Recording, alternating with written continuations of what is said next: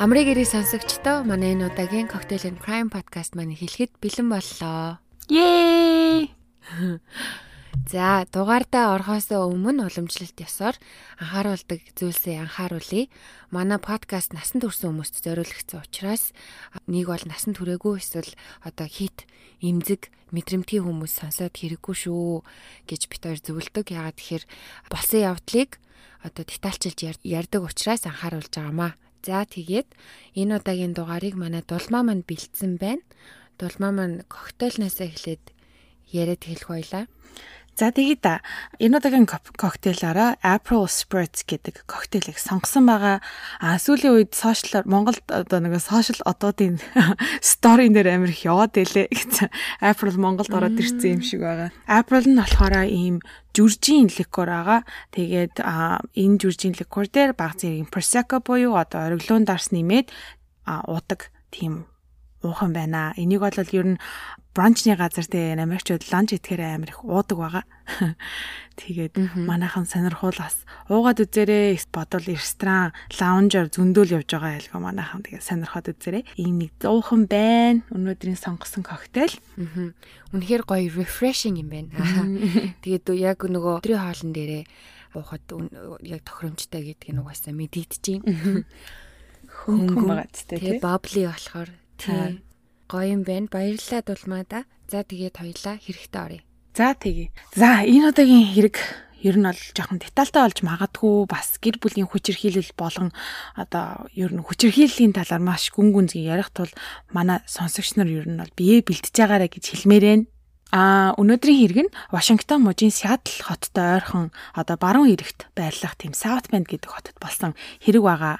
За тэгээ энэ хүн хэргийн гол дүр нь болохоор Мишель Ватсон гэх эмэгтэй байгаа. А Мишелийг хүмүүс ер нь Shelly гэж дууддаг учраас үүнээс цааш бүгдээрээ Shelly гэд дуудаад явчих. Shelly нь 1954 оны 4 сарын 15-нд Вашингтон мужийн Raymond гэх хотод айлын том охин болон мэндэлсэн байдаг. А түүний эцэг нь Battleground гих жижигхэн хотоос гаралтай бөгөөд тухайн хот нь тийм маш жижигхэн одоо хот тэгээ оршин суугчт нь бас цөөхөн учир бүгд ер нь бол бие бинийгаа мэддэг тийм хот байгаа. Түүний эцэг нь амьдрах хоттой нэлээ нэртэй нэг юм байсан гэж аа. А яагаад вэ гэхээр жижигхэн хоттой байдаг боулингийн газрын эзэн а мөн хоёр nursing home буюу одоо хөгшин хүмүүсийг тийм асрах газар ажилуулдаг нэг юм байсан гэж байгаа. Тийм болохоор тухайн хоттой бизнесмен, боулингийн газрын эзэн гэдэг утгаараа хүн болгон таньдаг байсан байгаа. А түүний ээж нь болохоор Sharon гэдэг эмэгтэй байсан бөгөөд тодорхой одоо эрхэлсэн ажил авахгүй байсан боловсралгүй эмэгтэй байгаа. А түүнийг ер нь хүмүүс дурдахдаа архичин эмэгтэй байсан гэж ер нь дурддгийн билээ. А тэгээд энэ байдлаасаа болоод гэр бүлийн уур амьсгал болоод ер нь бол таатай байгаагүй. А аав нь ч гэсэндээ бас баг зэрэг уудаг байсан болохоор гэртэн дандаа хэрүүл урал болдог байсан гэж. Яг хэдэн онд эцэг их нь салсан тухай мэдээлэл олж чадаагүй. А ямар ч байсан 1960 оноос өмнө салсан байгаа. А яагаад 60 он гэж байгаа юм бэ гэхээр эцэг нь өөрөөсөө 10 насаар дүү Лора гэх эмэгтэйтэй гэрэлсэн байдаг. А Лора нь болохоор тухайн үедээ 19-20 настай эмэгтэй байсан бөгөөд хурмаа хийснийхаа дараа хурмаа хийснийхаа бараг маргааш өдөр нь нөхрийгөө өөрөө өөрөөсөө 10 насаар ах гэдгийг мэдсэн гэж байгаа байхгүй яагаад гинтийн team surprise болсон бэ гэсэн чинь Shelly-гийн аав нь энэ эмэгтэйтэй танилцахдаа өө би чамаас дөрвөн насаар ах гэж хэлээд а эргүүлсээр агаад авч суусан гэж байгаа. За тэгээ яг тэ нөгөө гэрэлтийн гэрчлэгэн дээр гар хөлийнхаа өсгийг зурчихсан. Бүх юм бандан тас болсны дараа би чамаас 10 насаар ах гэж хэлсэн байдаг. Бас дээрэс нь би урд нь амьдрал зохиож исэн тэгээ гурван хүүхэдтэй гэдгээ хэлсэн байгаа байхгүй. Нөхрийнх нь экс болох Sharon гурван хүүхэдтэй авчирч өгөхийг оролцсон байгаа. Би одоо энэ гурван хүүхдийг чинь асарч хамгаалж чадахгүй чи одоо их нэртэй олцсон те гэр бүлтэй бүтэн юм чинь чи хүүхдтэй аав гэж авчирч өөхийг оролцсон байгаа. А Ашелин тухайн үе 6 настай байсан. Түүний дүү Чак нь 3 настай байсан бөгөөд баг дүү Пол нь нэраа нэлзрээ байсан байгаа аахгүй баг түн бүр яагаад ийм үлгэнөөсөж гараагүй байсан бэ гэхээр Shelly-гийн аав нь одоо шинэ их нэрээ одоо үерхэж явж байхдаа хуучин их нартайгаа бас явуулддаг байсан байгаа. Баг дүү нарай л жаахан байсан учраас Shelly-г дунд дүүтэй нь аав дээр нь тэгээ хойд ээж дээр нь орхиод явсан байдаг. Энэ байдлаас нь ингээ харахад бол аав ээжийнх нь хоорондоо харьцах харьцаа бас ямар байсныг илэрхийлж байгаах, Shelly-гийн эцэг нь хүртэл үнэхээр юм худалч хүн байсан харагдаж байгаа 58 онд хоёр дахь эхнэртэйгээ танилцаж 60 онд хурмаа хийсэн хатлаа их. Экс эхнэр нь яра битээ гэж ботхоор бүр амар байгаа зү. За ингээд Shelly дүү Chuck-тайгаа аав болон хойд их ээжтэйгээ хамт амьдралаа эхэлсэн байдаг. А түүний ээж орхиж явснаасаа хойш одоо бүр усан тайсан чулуун мэт алга болсон гэж байгаа. Олон жил сураггүй алга болсон ээжийнх нь сураг 1967 онд гинт гардаг байгаа. А яаж гарсан бэ гэхээр Лос Анжелес хотын цагдаагийн газраас дуудлага ирсэн бөгөөд sharing найз залуудаа зодуулаад нас барсан байдалтай одоо буудалд оллоо гэж мэдгдсэн байдаг. Тэгээд Sharon нас барсан учраас Shelly-гийн баг дүү Paul-ыг асран хамгаалах хүн хэрэгтэй байна гэд аав хойд ээж дээр нь авчирч өгсөн байгаа. Shelly-г ер нь ингээд багын байдлыг нь харахад хэрсүү гэх юм уу та ер нь сэтгэлийн хаттай тийм хүүхэд байсан учраас тухайн үед ээжигээ нас барсныг дуулаад ямар ч реакц гаргаагүй гэж байгаа юу ч болоогүй юм шиг. Хойд их болохоор гурван хүүхдийг өөрийн мэд хайрлаж өсгөхийг оролддог байсан. Гисэн хэдий ч а хоёр дүү нь болохоор Лораг хүлээгээд авчихсан хэдий ч Shelly хойд ээжигээ бүр хүлээн зөвшөөрдгөө маш их эсэргүүцдэг байсан байна. А сүүл Лора хэлэхдээ Shelly өдөр болгон намайг хэр их үзэн яддгаа хэлдэг байсан гэж байгаа. Өдөр болгон I hate you гэж хэлдэг байсан гэж байгаа хойд ээж нь хичнээн одоо эхийн хайрыг үзүүлдэг байсан хэдий ч Shelly-гийн сэтгэлд хизээж хүрээгүй. Shelly угаасаа тийм багын одоо анхаарлын төвд байх дуртай маш тийм драматик хүүхэд байсан гэж байгаа. Хинч юуж хизээж түүний сэтгэлд юусоо хүрдэггүй байсан. А тэгээ анхаарлын төвд байхыг маш ихээр хүсдэг байсан болохоор одоо хоёр дүүгээ үздэггүй байсан гэж байгаа. Яагаад гэвэл тэднэрт одоо ээж аав болон хүмүүсээс ирэх анхаарлыг хуваалцахыг хүсээгүй учраас. А тэгээ өсвөр үедээ аавын талын эмээтэйгээ цагийг маш ихээр өнгөрөөдөг болсон баг. Харамсалтай нь тэр эмээ нь бас сайн хүн байгаагүй. Тэр эмээ эмээ нь болохоор одоо хүмүүсийн хочилсноо cruel queen буюу одоо хэрцгий хатан гэж хочилдог байсан гэж байгаа. Аав нь нөгөө өндөр наснуудын асран хамгаалах төв ажилуулдаг байсан гэдэг гисэн штэ. Аа тэгээд аав нь ажилуулахдаа бас ээжтэйгээ хамтарч ажилуулдаг байсан байгаа. Ээж нь төвийн ажилчдаа маш их зоддог, загиндаг а бүр хүчээр гэр гэртээ авчирж гэр орноо хүртэл цэвэрлүүлдэг байсан гэд. Эсвэргүүцэл үзүүлэх юм бол ажлаас чинь хаална гэж сүрдүүлдэг. Тийм гих мэтчлийн одоо нэг юм ийм зан үйл гаргаж ер нь бол ойр хавийн хүмүүсээ байнга хүчрхийлэлд байлгадаг байсан байгаа. Тэр имэн ааш муутай хинтээж таардаггүй одоо манипуляц хийдэг хүчрхийлэгч байсны наад захын жишээ нь одоо ажилчтай үзүүлэх дарамт а цаашаага бүр өөрийнхөө нүхрийг хүртэл гэртээ биш гадаа байдаг амбарта амбарта унтуулдаг байсан гэж байгаа. Иймхүү одоо эргэн тойрныхоо хүмүүсийг байнга сэтгэл зүйн болон бие махбодны дарамтанд оролдог байсан. Тэр имэн Shelly бүр ам байсан гэж. А яагаад Shelly ам байсан бэ гэхээр эмээ нь бараг зааж өгөлтгүйгээр Shelly өөрөө одоо тийм имэшгэ ааш зантай байсан. Тэгээ 1969 оны 3 сард 15 настай Shelly хичээлээ тараад гэртээ ирээгүй байгаа. А тэгээ хойд ээж нь санаа зовоод эмээ дээрээ хилэлгүй очдөг юм чинь эмээрэн залгаатахыг залгаад асуусан байдаг. А гítэл байгаагүй эмээгэндээ. За тэгээ санаа зовоод яагаад хичээлээсээ ирэхгүй байнагаа сургууль руу залгахад ресепшн хүүхэн окей та шууд захиралтай ярих ёстой гэд захиралтай холбоо барьсан байгаа. А сургуулийн захирал хэлэхдээ тэгээ захирал нь хэлэхдээ Shelly-г хамгаалахын тулд өсвөр насны одоо хүүхдийн сургууль хүмүүжүүлэх газар руу аваадсан байгаа. Тэнд очих болсон болсон шалтгаан нь юу вэ гэхээр Shelly багштай хэлэхдээ намайг манай аав хүчинсэн гэж хэлсэн байгаа. Тэгээд охиноо яагаад тэр газар руу явах болсон учрыг олох гээд аав болон хойд ээж нь тэр байгууллага дээр ирдэг. А хэргийг хүлээн авсан цагтаа мэдээж одоо тий үнэхээр охиноо хүчинсэн байна уу гэж байцаалт эхэлсэн байдаг.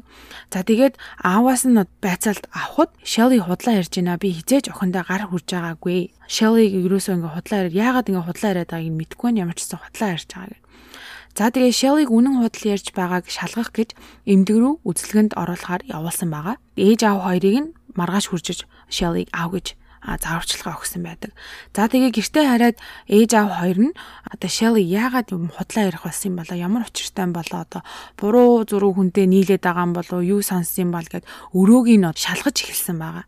Shelly-гийн өрөөг шалгаж байхдаа матрасыг нь татхад матрасынхын доороос сэтгүүлний хайчилбар гарч ирсэн байна. Тэр хайчилбар дээр нь болохоор тухайн үед гардаг байсан Truth and Confession гэдэг одоо хүмүүсийн нэрийг нууцлаад а нууцыг нь ингэж нийтэлдэг тийм сэтгүүл байсан байгаа. Shelly-гийн тэр таслан авсан нийтлэлийн гарчиг нь би 15 настайдаа аавда хүчндүүлсэн гэсэн гарчиг байсан. Тэгээ маргааш нь энэ нийтлэлийг байцаагчд үзүүлсэн байдаг. Shelley одоо гар хүрээгүй энэ одоо өөрөө ингээд зохиогоод яриад байгаа юм болоо гэж үзүүлсэн байдаг. А мэдээж маргааш нь болоход одоо Shelley-гийн эмнэлгийн үзлэг дуусч одоо шинжилгээний хариу гарч ирсэн байдаг. Тэгээ эмчийн мэдүүлснээр Shelley-гийн онгон хальс цоороогүй бэлэг эрэхтэн хавцаа ямар ч гэмтэл байгаагүй учраас Shelley худлаа ярьсан гэдг нь илэрсэн байгаа. За тэгээ мэдээж цагдаа сэргийлийг хэмжнэрийн анзаарснаар одоо 15 настай дааш зан одоо сэтгэл санаа нь ер нь төлөвшөж эхэлж байгаа хүүхэд ингэж амар том зүйлээр тоглож худлаа ярих нь мэдээж одоо энгийн үзэгдэл биш учраас Shelley сэтгэл зүйчтэй тодорхой хугацааны турш уулзахыг шаарддаг байгаа. А гисэн хэдиж Shelley нэг хоёр удаа яваад явсан юмудаа бараг яваагүй гэж явхаа байсан. Хүсэхгүй л бол ерөөсөө юу ч хийдэггүй тийм амир зөрүүд хэцүү хөхөд байсан байгаа. Тэгээ ээж аав нь хичнээн хүчлээ хүчлээд сэтгэл зүйчд явуулж чадаагүй ингээд зогссон байгаа. Аавыгаа гүтгсэн тэр явдлаа өөрөө хизээч үннээ хэлээгүй. Худлаа ярьсан гэдгээ ерөөсөө хэлээгүй. Юу ч болоогүй юм шиг өнгөрсөн байгаа. А тухайн үедээ болохоор цагдаагийн байгууллага, багш, эмч гэл одоо бүх хүмүүсийн анхаарал өөр дээр нь төвлөрч исэн болохоор яг тухайн үедээ ингээд нэг юм таашаал аваад өнгөрсөн баг. За тэгээ энэ явдлаасаа болоод Shelley сургуулаасаа хөөгцөн байдаг. Shelley ойр хавийнх нь ямар ч сургууль хүлээж авахыг хүсээгүй. А яагаад гэвэл угаасаа яагаад шилжиж байгааг нь өмнөх сургууль руу залгаж асуудаг штэ. Тэгэнгүүт ингэж худлаа ярьж одоо аавыгаа гүтгсэн учраас хөөгцөн гингод нөгөө нөгөө сургуулиуд нь ерөөсө хүлээж авахыг хүсээгүй байдаг. А сүрдээ аргаа бариад одоо хойд ээж Lauren өөр дүүрэгт амьдрах өөрийнхөө ээж аав дээр төр байлгасан байдаг. А тухайн үедээ Lauren-гийн ээж аав нь дуртайгаа хүлээж авсан боловч нэг семестр яваад бүр аргаа бариад За уучлаарай Лора чадахгүй мэн гэж Shelley буцаасан байгаа. А яагаад вэ гэхээр эхний хэдэн хоног очиод амар найрсаг байж байгаа л өө би ингээ гэр орны ажил туслая маслая аяг тав угаагаад үг юм уу гэж амар санаачлаг гаргадаг байсан гэж байгаа заяа. Тэгээд санаачлаг гаргаад гэр орноо цэвэрлж явахдаа бүх юмыг нь хайчдаг. Аяг тавгийг нь хайчдаг, халбах сэрийг нь хайчдаг. Төмпөн савыг нь бүр гадаа гаргаа хогийн савнд хайчдаг. Тим амир сонин характертай, сонин тийм зөрүүд ааштай хүүхдээсэн. Тэгээд одоо нөгөө Америкийн хүүхдүүд хөршийнхаа хүүхдийг хараад ч юм уу бас нэг хідэн төрөг олдог те. А Shelly ингээд амар тийм найрсаг зан гаргаад хөршүүдээрээ явбал хүүхдүүдийг чинь харж үгүй, хүүхдүүдийг чинь харж үгүй гэж амар явдаг байсан. Тэгээд 2 3 айлд очиж хүүхд харсан гэж байгаа. Тэр айлууд нь Shelly-гээр нэг л удаа хүүхдээ харуулаад дахиж хизээж Shelly-г хүүхдээ харуулахыг хүсээгүй. А яагаад гэвэл өглөө нь ажиллаа явлаа, оройн нэрсэн чинь хүүхдүүд нь бүр уйлчихсан ингээд нус нулимсэндээ хутгалтчихсан. Тэгээ ерөөсөө унтлагынхаа хувцсыг солиогүй бүр амар тийм стрессэнд орчихсан байсан. Тэгээ хүүхдээдээсээ яагаад юу басна асуухад өрөөнд оруулаад цоожилчихсан. Тэгээ өдөржингөө өрөөнд уйлж хөвцөн гэж байгаа байхгүй. Ер нь бол хүмүүс одоо хайрлыг гэхэд амар хэцүү хүүхдээс нь харагдаж байгаа ах Shelly. Аав ээж хоёр нь бүр аргаа ороод Германараар одоо удирдуулсан тийм тусгай сургуульд явуулсан байдаг. Тусгай охтын сургуульд явуулсан байдаг. Бас тэнцэнэ очиж хэрэг тарьсаар агаад хөөгцөн. За тэгээд Shelley-гийн зан харан шиг байрч дийлэхэд маш бэрх байсан. Төвний эцэг нь байнга ажилдаг байсан учраас гэрийн бараа бараг хардаггүй. А гэртээ ирээд ингээд байх үедээ Shelley-гийн одоо аргыг нь олох гэж хүссэн бүх юмыг нь хийж одоо хүссэн бүх зүйлийг нь авч өгдөг. Ер нь бол мөнгөөр эд зүйлсээр ингээд амийг нь тагалж ингэж тайвшруулдаг байсан гэж байгаа байхгүй Shelley-г. А тэгээ энэ байдал нь болохоор мэдээж хойд ээжт нь бол нэмэр болоогүй илүү саад болж байгаа. А яагаад гэвэл ухаан үедээ аавтай суугаад хоёр хүүхдээ гаргачихсан бас нөхрийнхөө гурван хүүхдийг ингээ хараад таван хүүхэд хараад гэртээ сууж байгаа эмэгтэй тий. Одоо ээж нь л одоо байнга да харьцсан штэ. Тэнгууд аав нь хурж ирээ Shelley-г эрхлүүлээ давраачдаг. Аавыг нь байх үед байхгүй үед ингээд юм юм хий ингээд загниж магнангууд бүр ээж хойд ээжийнхаа үүдээс бүр амар тесэрдэг байсан гэж. За тэгээд ийгүү явсаар байгаа Shelley өсвөр наснда хэсэг хугацаанд хамаатнуудтайгаа Пенсильвани мужид амьдрахаар болдог байгаа. Яагаад тийшээ явж амьдрах болсон бэ гэхээр ойр хавийнхын сургуулиуд ерөөсө хүлээж авахгүй, ямар ч дүүргийн сургуулиуд хүлээж авахгүй, хувийн сургуульч бүр хүлээж авах. Хамгийн үнэтэй сургууль руу мөнгө зохиод оруулъя гэсэн ч тэр сургуулиуд хүлээж аваагүй гэж байгаа шалъя. Тэгээ аргаа аваад Пенсильвани мужид руу хамаатны хамаатных руугаа явуулдаг байгаа. А тэгээ тэнд байх хугацаанд Randy гих үеийн залуутайгаа танилцсан байдаг. Пенсильвани мужид байхдаа ахлах сургуулаа дүүргээд буцаад Вашингтон муж руу нүүж ирэх болсон. А тэгээ гэртээ ирээд аавынхаа өндөр өндөр наснуудыг одоо асран хамгаалах газар совилогчийн туслахаар ажиллаж эхэлсэн байдаг. А тэгээ тухайн үед нөгөө танилцсан Randy гээд залуун Shelley-д дурлцсан байсан болохоор дагаад Вашингтон мужид руу нүүн ирээд 1971 оны 2 сард хоёулаа 10 19 настай Randy Shelley хоёр гэрлэлтэд батлуулж одоо нэг герт орсон байдаг. За тэгээ тэр хоёр юм жижигхэн трейлер буюу одоо чиргүүлэн хаусанд амьдардаг байсан. Чиний одоо нөхөртөөгөө тустай амьдарч байгаа бас одоо насанд хүрсэн бүсгүй ажиллаа хийгээ явж байгаа ч гэсэндэ ааваасаа мөнгөнд бас тусламж байнга авдаг байсан. Аав нь дандаа хүссэн зүйлийг нь авч өгдөг хэвээрэлээс. Хэрвээ хүснээр нь байхгүй бол уурлаж уцаарлаж өстө бөөн юм болдог гэж байгаа Shelly. Барьж авч нь олгүй юм болдог аавыгаа. Тэгээ нэг удаа машин авах хэрэг гараад аав нь мөнгөндөө тааруулаад гайгүй машин авч өгсөн гэж. Гэтэл Shelly-гийн авахыг хүссэн машин болохоор нөгөө Volkswagen-ы Beetle ш тийм машин авахыг хүссэн гэж. А тэгээ хүссэн машиныг нь авч өгөөгүй болохоор эсэргүүцэл илэрхийлж дуруулах ундаа болон нойрны имийг ихээр ууж амиа хорлохыг оролцсон гэж. Энэ явдлын дараа удалгүй гэртээ ганцаараа байж байхдаа би хүчндүүлж эхлэгээд цагдаа дуц. Шеллигийн энэ мэдүүлсэн хүчингийн хэрэг нь тэр даруйда хаагдсан. Яагаад гэвэл цагдаа нарын шинжснээр Шеллигийн авсан гимтэл нь өөрөө өөр дээрээ үйлцсэн гэж тогтогдсон. Тийм амар одоо анхаарлын төвд байхыг хүсдэг. Ингиж худлаа ярих болсон нэг шалтгаан нь болохоор чиргүүлэн хаусандаа амьдрахыг хүсдэггүй. Хөрөөсөө шинэ хаусанд орё гэж гуйдаг асуудаг хүсдэг байсан. А гэтэл нөхөр нь болохоор төвшөөрөөг одоо амьдрал болоогүй байна. Мөнгө зүгрэг хэрэгтэй гэд хойшлуулад байдаг байсан болохоор бошигон шиг шинэ газар орох гэж ингэж худлаа дүр зохиож өөрийгөө хүчндүүлсэн гэж ярьсан гэж. Бүртөө хэлэхдээ би гэртээ ганцаараа байгаас айж гин. Би энэ газар тийм сейф мэдрэмж надад алга. Би ингээд өөр хаусанд олигтой түлхүүртэй газартай наалцсан хаусанд ормоор ин гэж хэлсээр агаад тэр хоёр хаусанд орсон байна. Шинэ хаусанд ороод удалгүй 1975 онд Shelly Randy хоёр Nikki гих охинтой болсон байдаг. А тэгээ хүүхэдтэй болоод амьдрал одоо сайхан болно гэж бодсон хэдий ч тэдний амьдрал доошилсоор л байсан. А яагаад гэвэл Shelly ажил хийдэггүй. Одоо аавынхаа тэр өндөр насны асран хамгаалах газар ажилдаг байжгаад хөөгцөн байгаа. Яагаад гэвэл байнга ажиллаа таслана, байнга ажилласаа хоцорно. Тэгээд хамт ажилдаг бусад ажилчдтай ерөөсөө эрг гой сайхан харьцдаггүй. Тийм улмаас аав нь аргагүй ирэхэнд Shelly-г ажлаас нь халсан байдаг. За тэгээд ажилгүй Shelly-г тэтгэхийн тулд нөхөр нь бол байнга ажилдаг. Тэгээ нөхрийнхөө олсон мөнгийг 100% захирдаг байсан гэж байгаа. Захирдаг байсан хэдий ч хэрэгтэй зүйлд юусоо зарцуулдаггүй. Зөвхөн өөрийнхөө л хүссэн имийг авч идэж хэрглэж зүүж өмсдөг байсан. Ер нь олол одоо амьдралынхаа төлөө юусоо зарцуулдаггүй байгаа. За энэхүү явсаар агаад хоёлаа бүр хаусныхаа мөнгийг төлж чадахгүй гэр оронгүй болсон ба. За энэ байдлыг нь төвчж чадалгүй нөхөр нь салж Шеллиг охинтой нь орхиод явсан байдаг. Энэ бодлоос хойш одоо тэр залуу ерөөсөө сурган гараагүй. Нөхөр нь хайж явсны дараа охиноо аав ээж дээрээ үлдээгээд ор сургуу нэг жил алга болсон байдаг Shelly. Тэгснэ жилийн дараа гинэт гарч ирэнгуудаа охиноо өөр дээрээ аван амьдарч эхэлсэн байгаа. За ийхүү явсаар явсаар 1978 онд хоёр дахь нөхөр болох Дэнийтэй гэрэлсэн байдаг. А тухайн хүн нь болохоор хөрш залуу байсан. Тухайн үед тэр хоёрын хурим болоход Shelly аль хизээний жирэмсэн болсон бөгөөд гэрлээд удалгүй одоо хоёр дахь охин Samantha мэндэлсэн байгаа. Ийхүү одоо ам бүл дөрүлээ болж хэрцгий эмээгийн өвлүүлж үлдээсэн хавсанд нүүн ордог байгаа. Харамсалтай нь хоёр дахь амьдрал нь бас бүтлгөө төгссөн байдаг.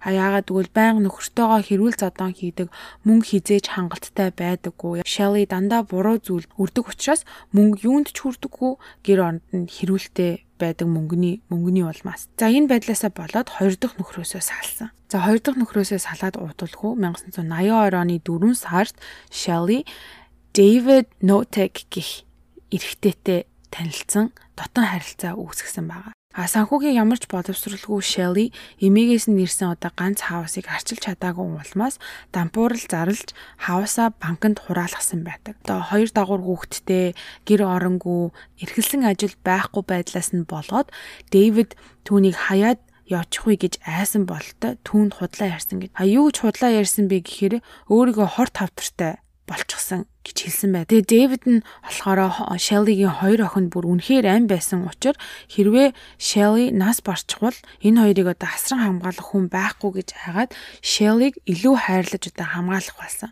А энэхүү явсаар агаад нэг герт орж 1987 оны 12 сард хурмаа хийсэн бай. Тэгээ гэрлээ тудалгүй Shelly-гийн жинхэнэ зан илэрч эхэлсэн байгаа. Жинхэнэ зан гэхээр байнга дээрлэгдэг үгээр идэж та сэтгэл зүйн болон физиологийн дарамт үзүүлдэг байсан байгаа. Шеллигийн нүдэнд Дэвид хизээж зөв юм хийдэггүй, хизээж юм хийж чаддаггүй, зөв юм ярьдаггүй, байнга буруутай нэг юм байсан. Тэгэл юм л болохоор Дэвид рүү дайраал ингээл үсчээл хэрэлдээл зодтдаг байсан гэдэг байгаа аахгүй. За тэгээд Дэвидийг олон жил дарамтлсан, залхсан уу, яасан түүний хүчирхийлэл октод руу одоо шилжих болсон. Зүгээр яхад нь зохиж зоддог, байн үг хэлээр доромжилдог байсан байгаа. Сүүлд одоо эгчдүүсийн хэлснээр Шеллигийн хамгийн дуртай цаг нь орой шөнийн цаг байсан гэж. Октыг унтаж яхад нь гинэд цочоон сэрээж зодож загиндаг байсан.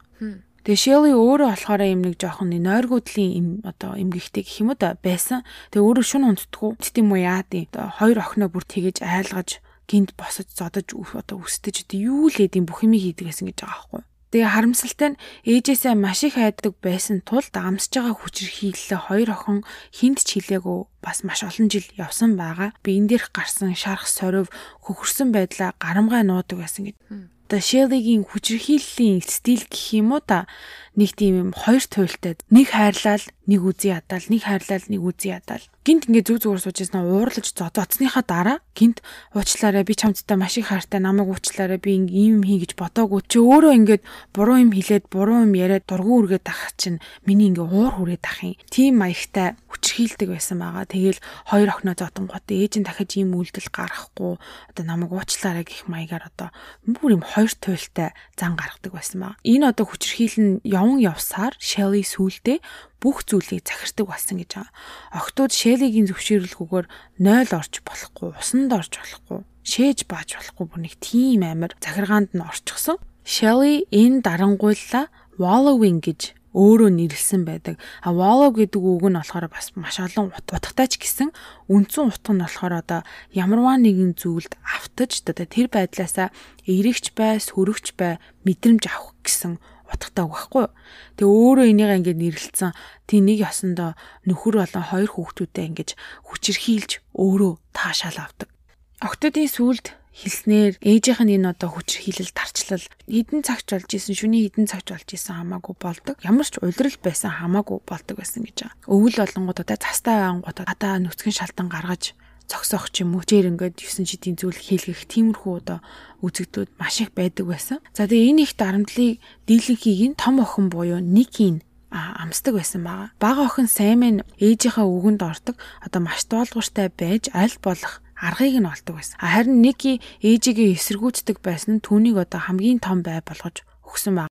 Энэ хүү тэдний амьдрал одоо үргэлжилсээр А тэгээ Shelly хоёр эрэгтэй дүүтэй гэжсэн штэ. А тэдний баг болох Paul нь Shane гэдэг хүүтэй байсан байгаа. Харамсалтай нь Paul өөрөө шоронд одоо орон гарan байдаг.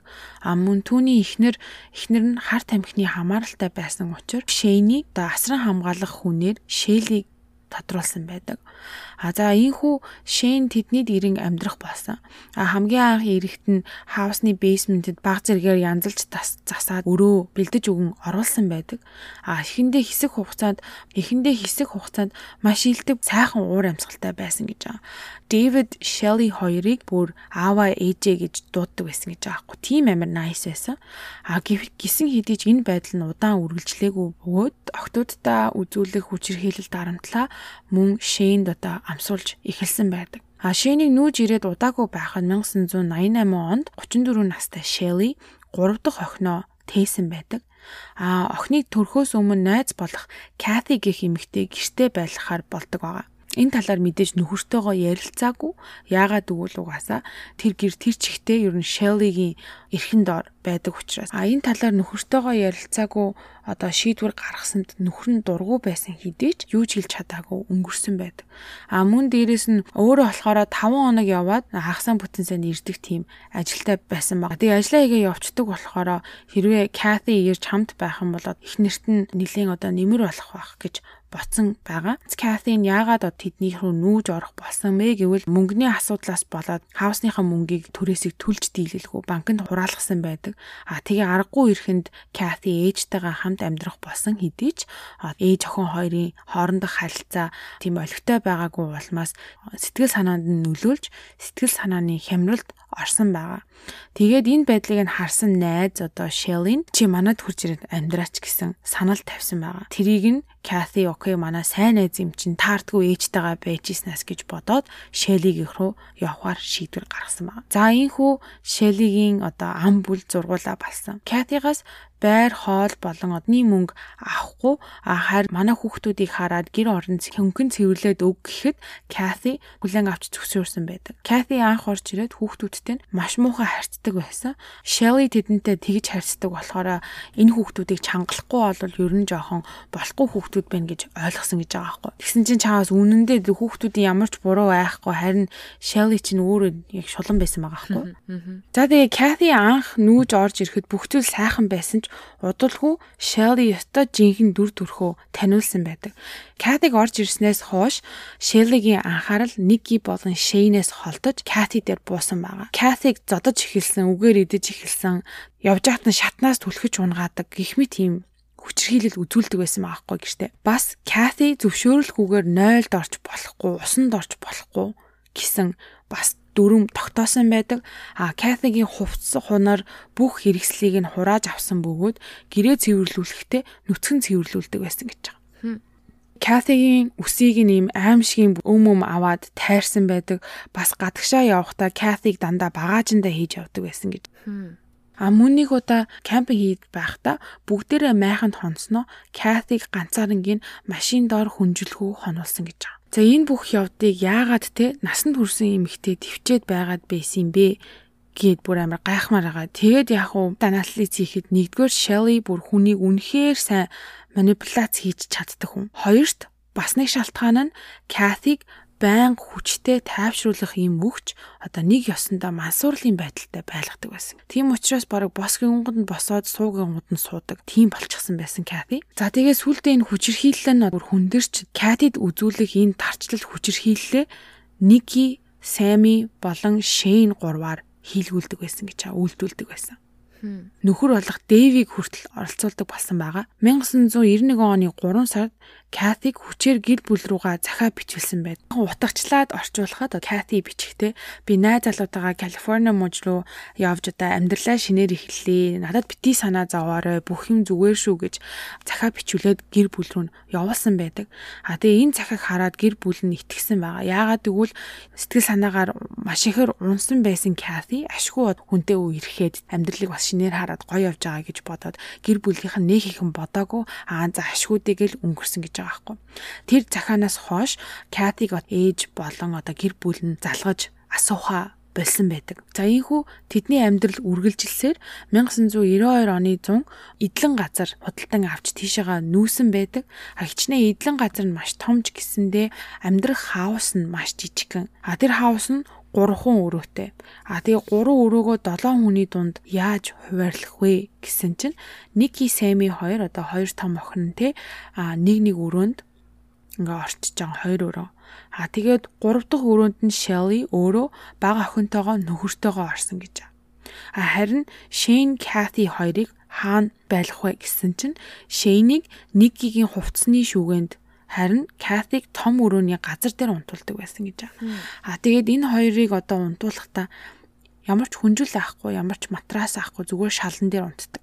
За ийхүү тэр гэрт болох хүчирхийлэл үргэлжилсэн. Бүр ялангуяа Катигийн амсах хүчирхийлэл гүнзгэрж ийсний жишээ нь гэвэл Катиг гадаа шаланкар усанд ус цацаж усанд оруулдаг байсан. Гүүтэнч бай, халуунч бай, өдөрч бай, шүнч бай хүссэн үедээ одоо окей чи бод өнөөдөр усанд орно гэж гаргаад шууд шалангтай усаар ингээл цацаал. Тэгснээ савангийн оронд блич буюу бэлснэ асгаж угаадаг байсан гэж байгаа байхгүй. Би энэ дэр нь аим шигт амар түлдэн штэ бэлснэ чинь тийштэй толгоон дээрээс нь асгаад угаадаг усанд оролдог байсан гэж. Тэр эдлэн газартаа нүүж ирснээс хойш Кати хит хитэн удаа цогтаах гэж оролцсон боловч Shelly түүний бариад авсан байгаа. Тэр эдлэн газар нь том хэрнээ маш олон ийм жижигхэн зойр одоо саад амбаартай байсан гэд. Тэгээд Kathy-г одоо цухтаагаад байсан болохоор нэг амбаарт нь төвжиж одоо хонуулж эхэлсэн байгаа. Хүрэн нөгөө 5 хоног ажиллаад 2 хоног ирдэг гэж хэлжсэн шүү дээ. Хүрэн нэг удаа ирэхэд Kathy амбаарт байж байхаар нь гайхаад Shelly-гээс яагаад Кати энэ амбарт унтж байгаа ингээ асуусан чинь өө Шейн Катиг дээрлэхэд байхаар нь би Катиг хамгаалах гад тийшээ оруулаад төгчцэн гэж хэлсэн байгаа. Тийм балаа юм ярьж яхад нөхөр нь итгэжлээ байдаг. Өөрөө бас ингээд Shelly-гийн бүр эрхэнд орчихсон хүүд баг итгэхгүй бол угаасаа алуулна. Тийштэй. Хэлсэн юм ин хийж одоо хэлсэн юмд нь итгэдэг болчихсон зодуулсаар агаад одоо дарамтлуусаар агаад за бүр ямар ч тэнхээгүй болцсон Катиг хараад хүүхдүүд нь бодохдоо одоо Катиг гаргаж цухтаахгүй ямарваа нэгэн тусламж авахгүй бол Кати хүчгэж магадгүйгээд амбарыг нь онгоолгоод одоо цухтаа цухтаа гэд явуулах гэж оролцсон боловч Кати бүр ямар ч тэнхээгүй болсон болохоор ерөөсөө цухтаж чадаагүй байдаг. Тэгээ нэг удаа Shelly гадуур явж байгаа гэртээ ирэхэд Кати зөвшөөрөлгүй хүндэрсэн байдаг. Тэгээ 0 гарах тэнхээгүй болсон Кати тэр хоригдож байсан амбарт байх юм пластик савн дотор хүндэрсэн байдаг. А тэр байдлыг нь хараад Shelly маш ихээр уурлаад зөвшөөрөлгүй зүйл хийсэн учраас Катиг шийтгэхээр шийдсэн байгаа. А тэгээ энэ удаагийн шийтгэл нь waterboarding буюу одоо кинон дээр гардыг штэ нүүрэн дээр нь алчуур тавьж байгаа ус асгадаг. Тэгэж Катиг шийдгсэн байгаа. А тэгээ энэ байдал нь болохоор яг ийм живж байгаа мэдрэмжийг төрүүлдэг байгаа. Ийхүү одоо Шелигийн үзүүлэх одоо хүчрхийлэл бүр даамжирсаар даамжирсаар шийтгүүлэх тусам шин шийтгэл гарч ирсээ сүулдэ бүр мууцсан хоолоо цоглуулж агаад хөгзөрсөн юу эд юм бүх мууцсан хоолоо цоглуулж агаад блендерт хийгээд смути хийж өгдөг байсан гэж. Нэг удаа шийдэж байгаа гэд бүхэл бүтэн аяга давс хүчээр идүүлсэн байдаг гихмэдэд аимшигын зүйл босоор байсан ч Катигийн хашгирах чимээ гадаа хүүтэнд одоо нүцгэн ажиллаж буу байдал гихмэтийн тухай эргэн тойрных нь одоо эдлэн газрын хүмүүс хинч хараагүй байгаа. Хинч мдээгүй. Эцэст нь Катигийн биен дээр хөхрөөгүй, шалбраагүй, одоо зүсэгдээгүй, урагдаагүй ганц ч хэсэг бүр хэсэг газар ерөөсөө байхгүй болсон.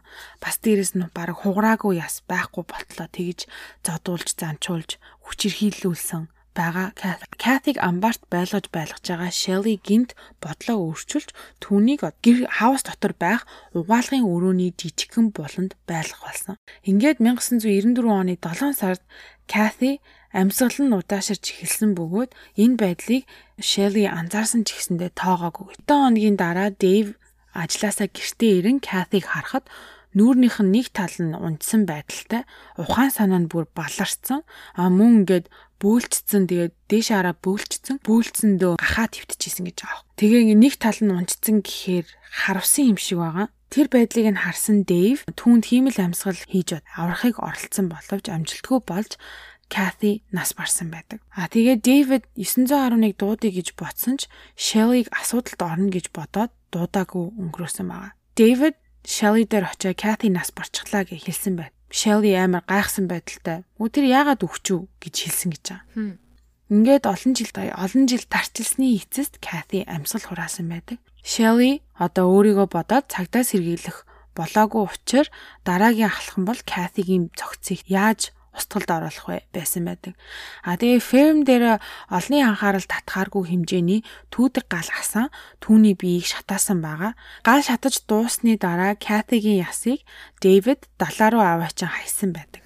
А мөн Катигийн хувцас хунар бүх зүйлийг нь шатаан устгалд оруулсан байгаа. Shelly бодохдоо Кати хүмүүс асуувал амиа хорлсон гэж хэлий гэж ботсон боловч цогцсон байхгүй шатаажсан учраас хүн угаасаа итгэхгүй асуудалд орчих магадгүй гэсэн улмаас тэхгүй гэсэн улмаас а Катиг нөгөө найз залуутаагаа Америкаас гадагшаа аялаж яваа гэж захаа бичээд явуулчихъя гэд том охин болох Никигээр захаа бичүүлээд Дэвидийг Канад руу явж тэндээс гэр бүл рүү нь явуул гэж тушаасан байдаг. Шелли бас дотроо бодохдоо хэрвээ энэ төлөвлөгөө бүтлэхүү болох юм бол Шейнийг буруутгах гэж ботсон гэж байгаа. Катиг нас барсны дараа одоо хүчирхийллийг амсах гол хүмүүс нь буцаад Ники Шейн хоёр болсон байдаг. Катиг нас барснаас жилийн дараа 1995 онд Шейн гинэт алга болсон баг. Шейн байхгүй хэдэн 7 хоног болсны дараа Shelly октоудтай хэлэхдээ өө тэр хол газар загсчны завин дээр ажиллахаар явсан гэж хэлсэн байгаа. А тэгээ Шейнийг байхгүй Shelly-гийн хүчирхийлэл буцаад Ники дээр ирсэн байд. Урд нь Катиг яаж зовоож исэн зовоож исэнтэй адилхан Никийг амбарт унтуулчод 9 шидийн тэр шийтгэл тамллаа Ники дээр үзүүлэх болсон байгаа.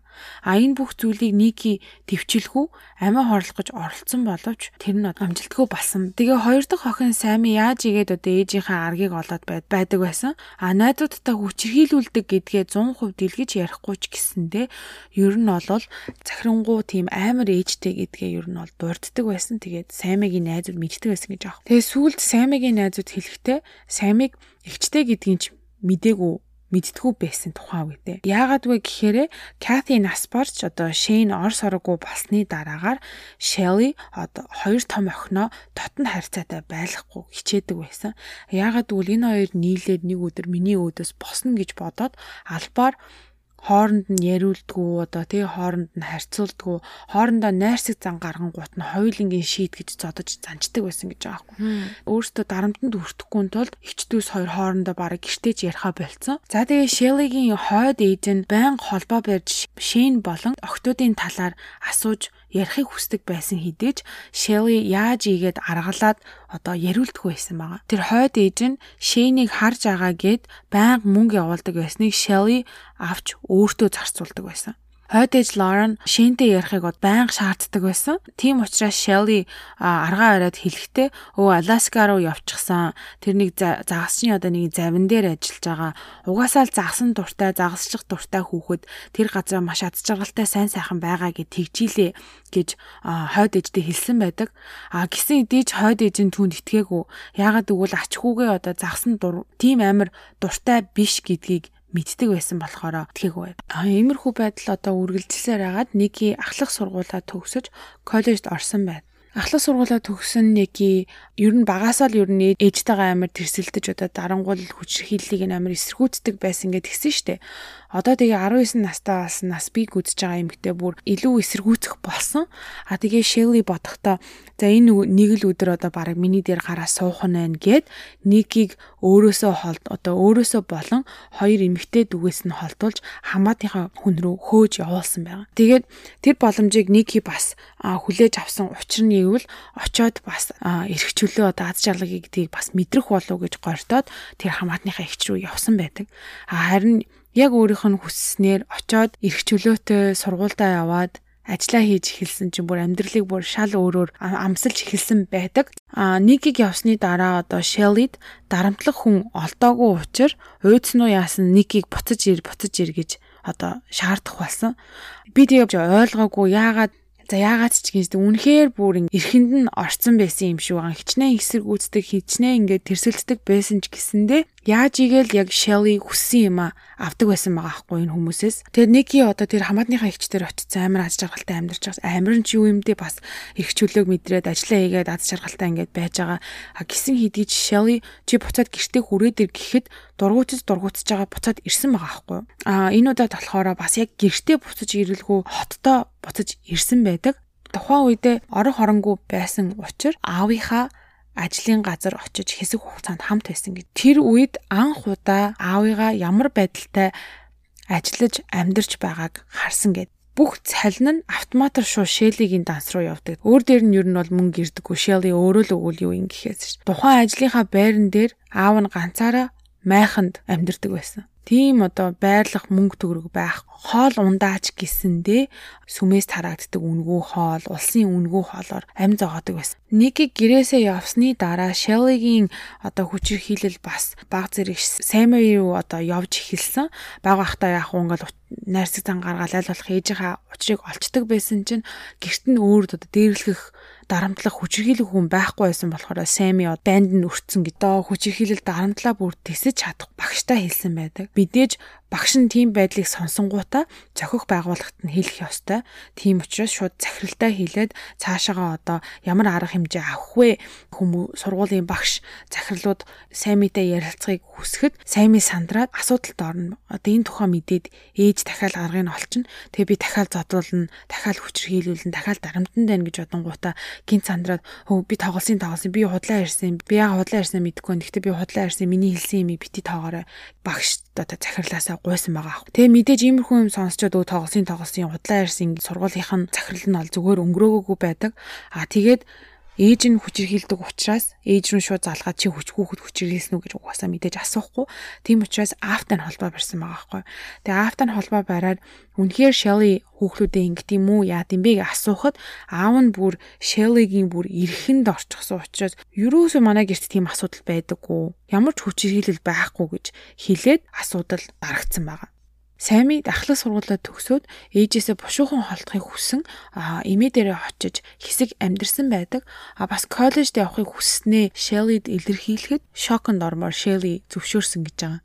Зөвшөөрөөд ээжээсээ сургалтын төлбөр авах зээлэнд хамт аппликейшн явуулаад өгөөч гэсэн чинь Shelly зөвшөөрсөн гэж байгаа. Би тэрийг сонсоод амар гайхсан.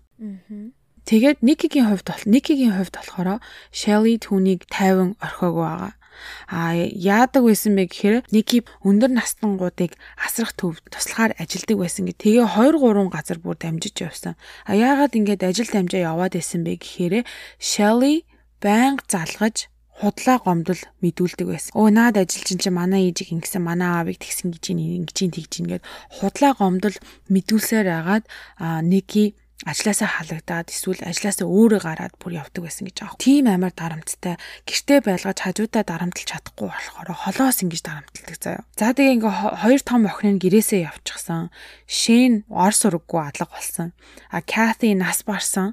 А нөхөр Дэйв нь болохоор ер нь гэртээ байдаггүй учраас Шеллигийн гарын шүүс болох гэх юм уу та ганц хүн нь бага охин Тори Тори бага байхдаа одоо гэрт нь болох хүчирхийллийг бараг хараагүй. Ер нь бол амсаагүй өссөн байдаг. А тэгснээ гинт гэрт нь хинж хинж байхгүй ганцхан Тори үлдээд Тори хүчирхийлэл амсч гисэн чи үнэхээр бүр шоконд орсон байгаа байхгүй Тори. Ер нь бол тэдний амьдрал ерөөс дээшлэгчгүй ер нь бол жил жил жил сар сараар доошлол доошлол багасаал байсан. Тухайн үед Shelly хэлсэн ш нөхрийнхөө цалин 100% захирдаг байсан. Бүр хамтран нээсэн данснаас хүртэл нөхрийнхөө нэрийг аваа хайцсан заяо. Нөхрийнх нь цалин нь шууд тийшээ ордог зөвхөн Shelly л тэр мөнгийг ашигладаг хэрэгэл. Ямар ч санхүүгийн боловсрол авахгүй мөнгөө одоо яаж зарцуулах талаар ямар ч ойлголт авахгүй учраас дандаа буруу буруу зүйлд зарцуулдаг. Тэгээ бүр хүссэн зүйлээ авахгүй бол сэтгэл нь хандаггүй. Shelly аргагүй ирэхэнд ажилд орохоор болсон байдаг. За ингээд 1998 оны үед Shelly Ronald Woodworth гэх эрэгтэйтэй танилцсан найзууд болсон байгаа. Ronald нь болохоор партнертайгаа олон жил хамт амьдарсан боловч аавыгаа нас арсны дараа сэтгэл санааны гүн хямралд ороод түүнийхээ улмаас ажлаасаа халагдан бас найз залуугаасаа салсан байгаа. Тухайн үед одоо ажиллаж авахгүй найз залууж авахгүй ингээл аавыгаа алдсан амар хэцүү байхад нь ганц найз нь Shelly байсан. Тийм болохоор мэдээж тийм хүнд хүн татагдан да хэцүү үед нь тусалж байгаа найз да. Тэгээд Shelly-г үнэхээр найзаа гэж одоо Shelly-тай илүү одоо дотсон сууж найзалж эхэлсэн байгаа.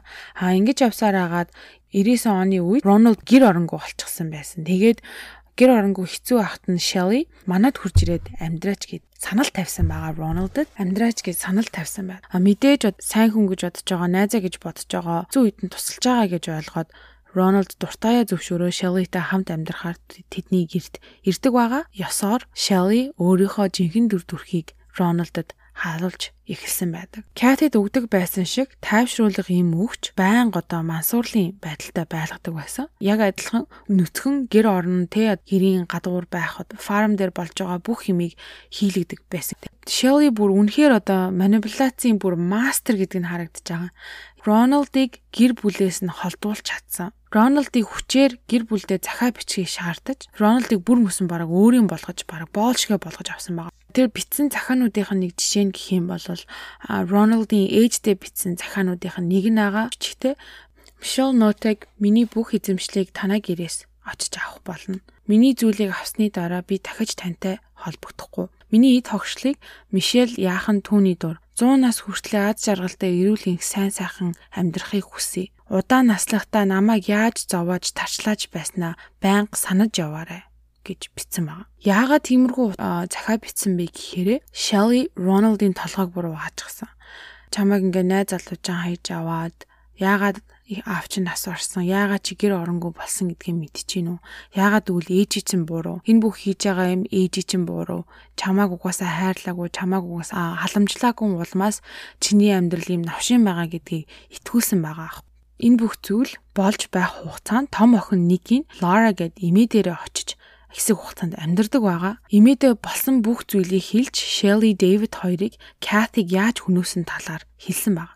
Тэгээ дээрэс нь бас Шэнийг ч гэсэндээ алчсан байж магадгүй гэж хэлсэн байдаг. Иннээс үүдээд 2001 оны 7 сард Лара Зэ охиныхоо хэлсэн бүх зүйлийг Raymond хотын цагдаагийн газар руу факсцсан байдаг. А Никигийн өгсөн тэр мэдүүлгийг гүнзгий шалгахын тулд Никитэй холбоо барих гэж удаа дараа оролцсон боловч Ники холбоогүй алга болсон байдаг. А яагаад гэдг нь бол тийм тодорхой мэдээлэл байхгүй байсан. Тэгээ миний бодохноо гинт амир зориг ороод хамаг юм а ярьснаа гинт ээжийнх нь хэлсэн одоо амар олон жил хүчийг хийлүүлсэн те тэр үгсэн муухай амьнууд нь толгоонд нь орж ирээд гинт айсан болов тэгээд цагдаа нар холбоо барихад ерөөсөө утсаа авахгүй холбоо барихгүй алга болсон болов гэж би бол хувьдаа ботсон. Тэгээ ямар ч байсан Никигийн хэлсэн мэдүүлгийг тухайн үедээ шууд тэр даруйд нь шалгаж чадаагүй байгаа. Тэгээд энэ хугацаанд Рональд Shelly-гийн дарангуулалд байсаар байсан бөгөөд гэртээ одоо гурвалнаа байгаа штэ Shelly, Tori, Ronald гурав байгаа гэрт нь нодох оор тэг нөмрөх хүнжил элбэг байсан хэдий ч Роналдыг коридорт шалан дээр ямар хүнжилгүй унтуулдаг байсан гэж. Тэгээд дээрэс нь Ториг Рональдтай харьцах юм бол ярих юм бол би Рональдыг шийтгэн гэж сүрдүүлдэг байсан учраас Тори Рональд хоёр хоорондоо юм ярьдаггүй байсан байгаа бас ямар ч харьцаа холбоо байхгүй. А гисэн хэдий ч орой Shelly-г унтсны дараа Тори нууцаар өрөөнөөсөө гарч ирж Рональдыг тэрвэрч ярьж хэвддэг байсан гэж аахгүй үрхэнтэй. Shelly ингээ ерөөсөө ажил дээр ерөөс тогтдгүй угаа зан характер нь ямар хүн билээ, хувь хүн ямар хүн билээ. Ерөөсөө ажлынхантайгаа угаасаа нийлж чаддаггүй, чаддаггүй, харилцагчтай ч гэсэн айтайхан харьцаж чаддаггүй улмаас маш олон ажил сольж явсан байдаг. А ингэж явсараа 2000 онд Джеймс гих Катигийн одоо нөгөө дарангуулдаг байсан Катигийн ээжийнх нь найз болох нэг өвөөг асрах ажиллаар олсон байгаа. Америкт байдаг монголчууд мэдэндээ living хийхээр ажил олсон байдаг. Тэр өвөөгэнд ажиллаж байхдаа гэрт нь очиод амьдраад 24 цаг асраад явдсан шүү дээ. Тэгж байхдаа бүр Рональдыг хүртэл дагуулж ирсэн байгаа хгүй хамттай байдаг байсан. Рональдоор баг хамаг ажлаа хийлгүүлцдэг. Өөрөө хүсэн юмаа хийгээл шопинг хийгээл цалингаа аваад сууж идэв. Жилийн дараа буюу 2001 оны 9 сар гэхэд тэр Джеймс гэдэг өвөөгийн толгойг угаасаар байгаад бүх өв хөрөнгө болон ирэх мэдлээ өөрлөгөө шилжүүлэн авсан байгаа. Данс одоо тэр хаусны нөгөө орд тэл бүх юм бүр машин, жашины нэр бүх юм Shelly-гийн нэрэн дээр ирсэн гэж. Үнэхээр бүр manipulation queen байгаа үстэй. Өв хөрөнгөө шилжүүлэх явдал 2001 оны 9 сард 5 сарын дараа буюу 2002 оны 2 сард тэр өвөөгийн хауснаас 911-т дуудлага ирсэн байна. Тэр дуудлагыг Рональд хийсэн бөгөөд 911-ийн операторд хэлэхдээ Джеймс унаад толгоогоо цогчлоо. Тэгээд цус гараад одоо босч ирэхгүй байна гэж мэдүүлсэн байдаг. Харамсалтай нь Джеймс өвгөн тэр дороо нас орсон байна.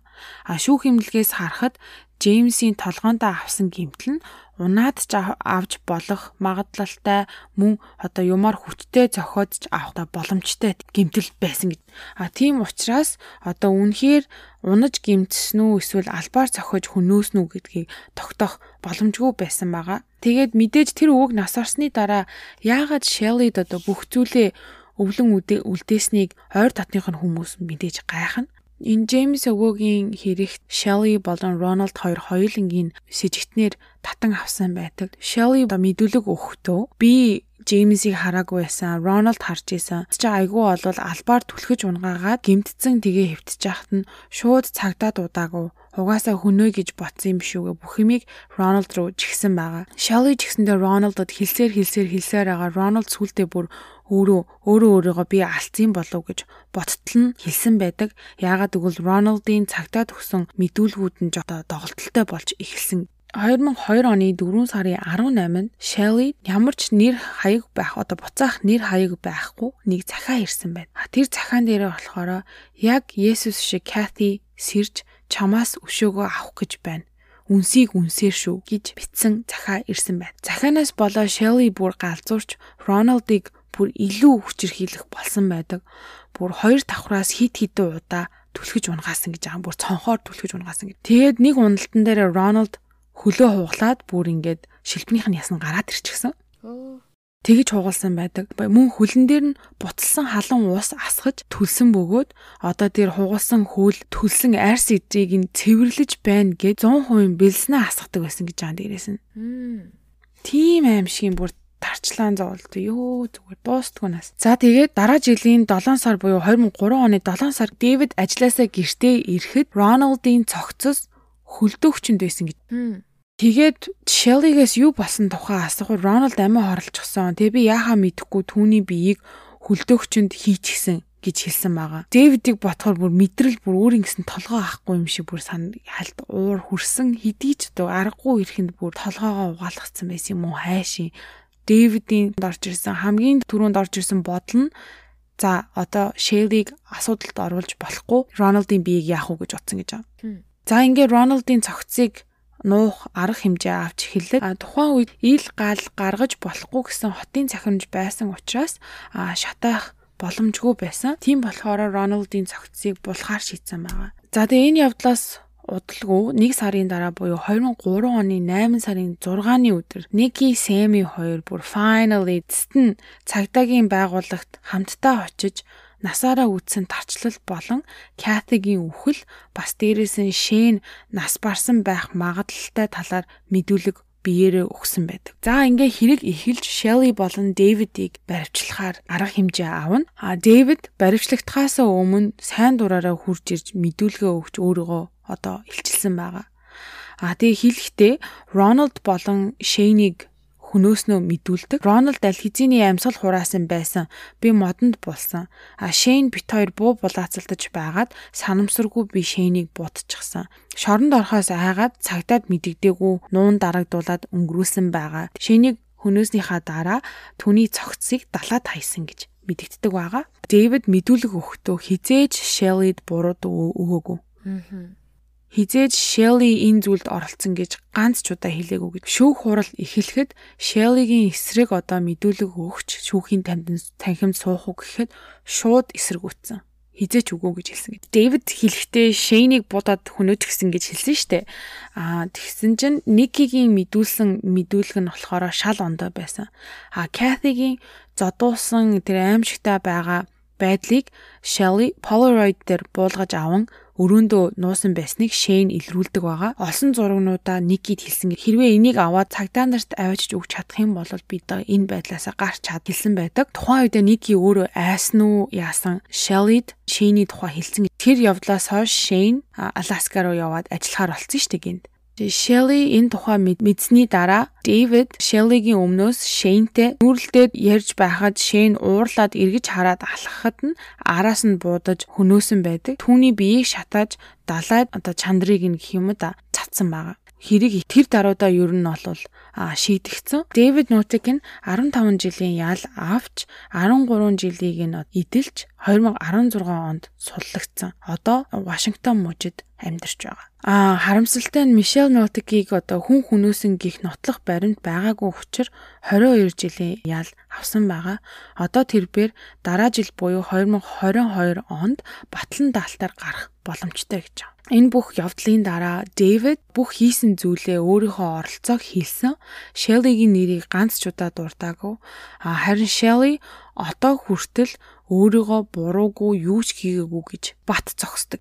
За ийм нэг хэрэг байна. Тэгээ энэ хэрэгээс манайхан бас урд урд өмнө хэрэг дээр дурддагчижсэн маш олон сэтгэл зүүн болон заан аашийн доголдол эмгэгийг бол анзаарч байгаа гэж бодож байна. Бүр үнэхээр бүр нарциссистик манипуляц хийдэг бүр аимшигтай эмэгтэй Мишель Шелли октоодыгаа төрсэн хүүхдүүдийгаа бүр насаар нь заваасан. Одоо өөрийнх нь бага нас амьдралыг нь ботхоор бас үнэхээр амар хэцүү байсан хэдий ч арай л дэндүү бүр аимшигтай санагцсан надад. За ийм нэг хэрэг байна да документ. Одоо тэгээ дараа жил одоо суллагдсан гиндэ. Суллагдсан гиндэж гэж батлан даалтаар гарч магадгүй гиндэ. Харин тийм нэг ч биш одоо хоёр ч хүний амьд хүрчиж байгаа юм шүү.